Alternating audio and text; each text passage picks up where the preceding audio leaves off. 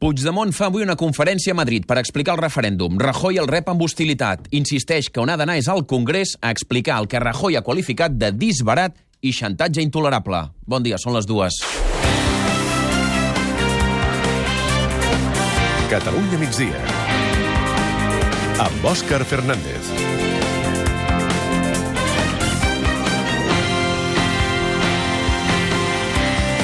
Hores abans que Carles Puigdemont faci aquesta anunciada conferència sobre el referèndum a Madrid, el president del govern espanyol, Mariano Rajoy, li ha insistit que on ha d'anar és al Congrés a explicar amb llum i taquígrafs, ha dit, la seva proposta de textualment trencar Espanya. Ho considera Rajoy el desafiament més greu que ha viscut en tota la seva carrera política. Parla de xantatge i d'amenaça i reitera que el camí és el que va seguir el pla Ibarretxe. Vaja, que ha endurit la resposta de l'estat espanyol a la proposta de Carles Puigdemont. Rajoy ha volgut compareixer avui, després de l'executiva del Partit Popular, i en especial per fer referència a la situació de Catalunya. Ha estat un Rajoy, com dèiem, especialment dur. Madrid, Jordi Prats. No tenim a punt aquesta comunicació amb Madrid. De seguida escoltarem el més destacat del que ha explicat Mariano Rajoy en aquesta resposta, insisteixo, especialment dura a la voluntat de Carles Puigdemont d'aquesta tarda fer aquesta conferència. El president Puigdemont viatjarà a les properes hores en avió. Qui ja està en marxa cap a la capital espanyola, Carlos Baraibar, bon dia. Bon dia. Són el vicepresident Oriol Junqueras i el conseller Raül Romeva. Uh, abans de pujar a l'AVE, el vicepresident de la Generalitat explicava que la feina del Pacte Nacional pel Referèndum és el que exigeix un últim intent per fer l'acord del referèndum pactat amb l'Estat. Hem d'intentar el referèndum pactat. Um, és evident que l'experiència ens ensenya que l'estat espanyol no s'hi posa mai bé en aquestes qüestions, però nosaltres estem en aquesta fase. El PSOE, mentrestant, avui s'han llevat amb la tornada de Pedro Sánchez a la secretaria general del partit. La nova victòria de Sánchez ha generat reaccions en tots els partits polítics. La més sorprenent, la del mateix Mariano Rajoy, que ha contestat això quan li han preguntat si ja havia trucat a Pedro Sánchez. Lo, lo llamaré y si no lo he hecho ayer por la noche esta mañana era para no molestarle. No sé per què s'havia de molestar per aquesta trucada. Pedro Sánchez Rajoy també ha dit que no li fa cap por el nou lideratge del PSOE i ha assegurat que acabarà la legislatura com sigui. Però això no està tan clar. I menys després del moviment que acaba d'anunciar Podem. Asseguren que estan disposats a retirar la seva moció de censura i a Pablo Iglesias com a candidat sempre i quan el PSOE presenti una altra moció de censura. Tornem a Madrid ara amb la Lali Ferrer. Bon dia fa un vot de confiança a Pedro Sánchez. No han passat ni 24 hores de la seva victòria i ha ofert retirar la seva moció de censura si el PSOE en presenta finalment una contra Mariano Rajoy. I és que Podem va registrar divendres al Congrés la seva pròpia moció de censura amb Pablo Iglesias com a candidat. Per cert, que avui hem conegut ja el nom definitiu del nou partit d'Ada Colau i de Xavier Domènech. Es dirà Catalunya en Comú.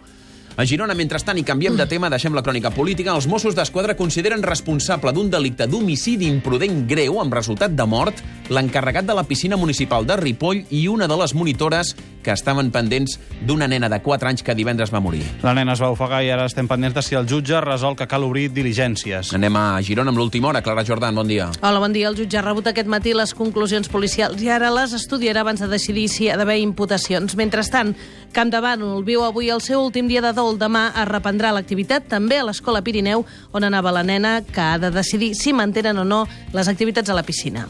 I unes declaracions del bisbe de Solsona tornen a aixecar polseguera. En un escrit publicat ahir diumenge, Novell vincula l'homosexualitat a l'absència de la figura paterna.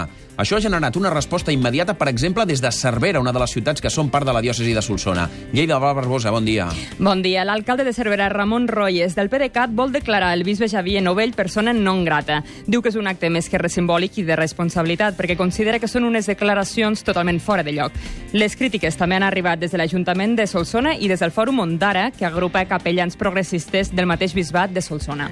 I de l'actualitat internacional, la fotografia del dia és la de Donald Trump arribant a Israel. Sí, el president dels Estats Units vol convèncer israelians i palestins, sobretot, que es poden reprendre les converses de pau que no es mouen des del 2014. De la cultura, avui parlarem de les noves editorials en llengua catalana que estan lluitant per mantenir quants més llibres en català al mercat com sigui possible. Ara mateix acaben de néixer més llibres i les hores, que se sumen a altres iniciatives que busquen el seu forat enmig dels dos gegants, Planeta i Random House. Els editors de Més Llibres i de Raig Verd, Ricard Vela i Laura Huerga, apunten que no només cal quantitat sinó qualitat. Jo no crec que hi hagi massa llibres, sobretot en català. Hi ha massa oferta en altres llengües... Es publica massa en català, però d'un tipus concret de llibres. De no ficció és sobre la identitat catalana i sobre cuina. I de ficció és un tipus de narrativa molt concret i poc arriscat. A dos quarts i cinc de tres serà el moment de l'actualitat de territori. Hem passat ja per Girona i per Lleida, que és el més destacat avui a Barcelona, Quim Balaguer. Doncs que l'Ajuntament de Barcelona atorgarà un document de veïnatge a les persones immigrants irregulars que portin més de sis mesos vivint a la ciutat, que acreditarà que hi estan arrelades. D'aquesta manera es vol evitar que si les detenen el jutge n'ordeni l'ingrés en un centre d'internament o l'expulsió. I acabem avui a Tarragona, Ricard Buigas. Avui surten els últims turistes que queden allotjats a l'emblemàtic hotel Imperial Tàrraco. El nou propietari tancarà demà i té previst remodelar l'edifici. Unes obres que podrien durar gairebé dos anys.